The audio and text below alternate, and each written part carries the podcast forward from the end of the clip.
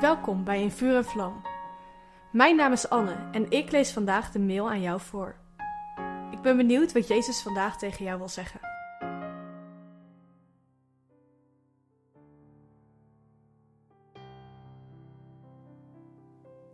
Laatst zong ik het lied Prijs Adonai uit Opwekking.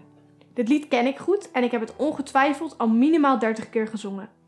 Maar toen ik dit lied recent weer zong, raakte het me diep en begon ik te huilen.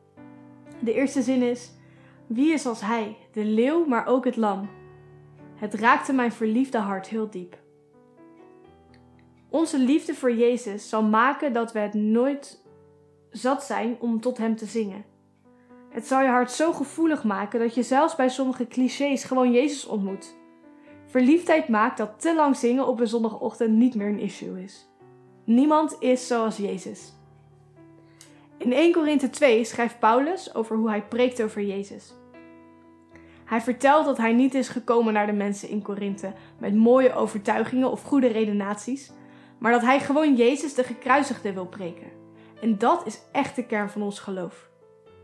Jezus is niet zomaar een mooi thema of iets inspirerends dat je kan combineren met andere religies. Jezus is het absolute middelpunt. We hoeven het alleen maar over Hem te hebben.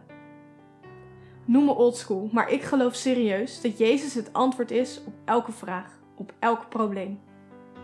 God heeft besloten om als baby in het tienermeisje Maria te komen. Ongelooflijk.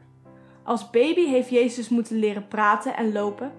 En dit is echt niet te bevatten. God die besluit om als mens te leven en te leren van de mensen die hij zelf heeft gemaakt.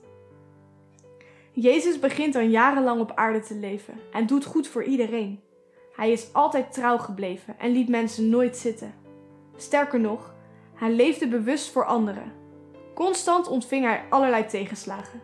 Wanneer hij Lazarus uit de dood opwekt, willen de Fariseërs niet alleen Jezus, maar ook deze opgewekte man doden, omdat er zoveel mensen door hem tot geloof komen.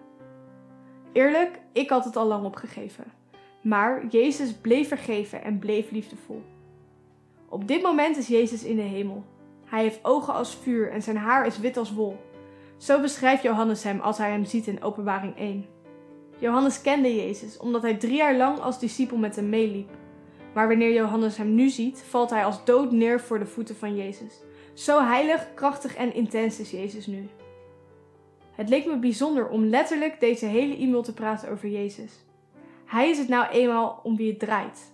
He is everything. Hoe verliefder we op Hem worden, hoe minder het ons uitmaakt of we sommige dingen al eerder hebben gehoord. We bewonderen Hem elke keer weer opnieuw.